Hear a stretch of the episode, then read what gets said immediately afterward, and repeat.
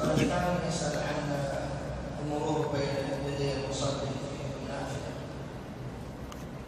في في الصلاة الصلاة. المرور بين يدي المصلي عظيم. وقد جاء في صحيح البخاري ومسلم قوله عليه الصلاة والسلام لو يعلم المار لو يعلم المار بين يدي المصلي ماذا عليه؟ يعني من الإثم.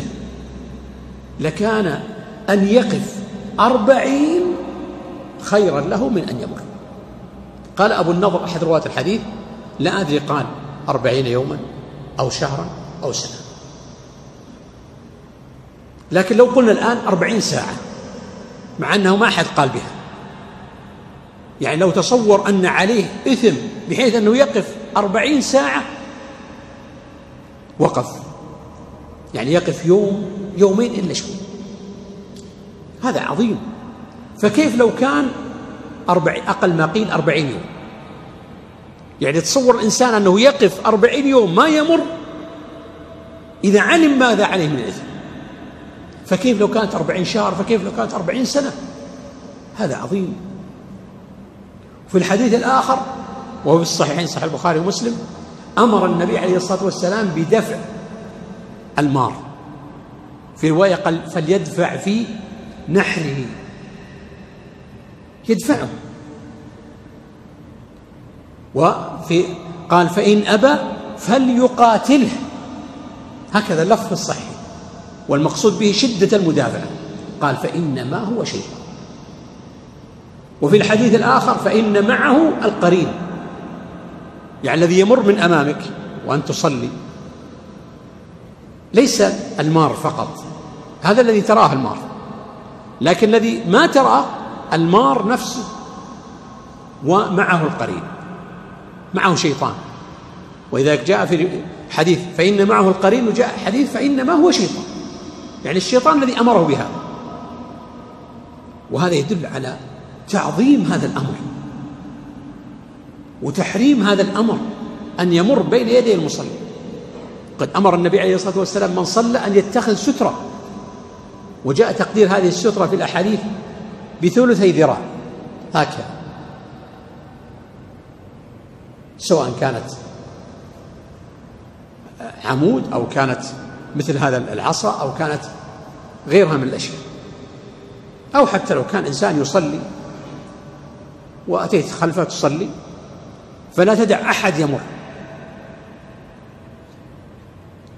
وأبو سعيد رضي الله عنه راوي الحديث في الصحيحين لما أراد رجل أن يمر بين يديه في مسجد النبي عليه الصلاة والسلام يوم الجمعة دفعه فالتفت التفت هذا الشاب لم يجد إلا هذا المكان ما وجد إلا هذا الطريق فأراد أن يمر فدفعه أشد من الأول فخرج هذا الشاب واشتكاه على الأمير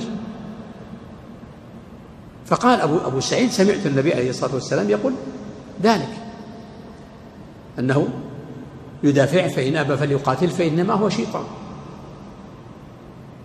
وهذا تشديد في هذه المسألة. يجب أن أن نعود أنفسنا على الوقوف وأن نربي أبناءنا على ذلك. أن لا يمر الإنسان من أمام إنسان يصلي.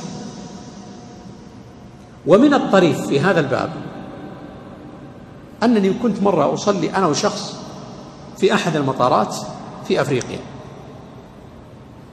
فأراد عسكري أن يمر. والعسكري ليس مسلم. فلما رآنا نصلي وأراد أن يمر توقف. يعني الكافر يعرف أن المسلم ما يريد أحد أن يمر من أمامه. إي والله. فوقف. فتعجبت. أنه كافر يقف ما يمر من أمام مسلم. وبعض المسلمين إذا أراد أن يمر بين يديك في الحرم أو في أحد بعض المساجد وضعت يدك ضرب يدك مر.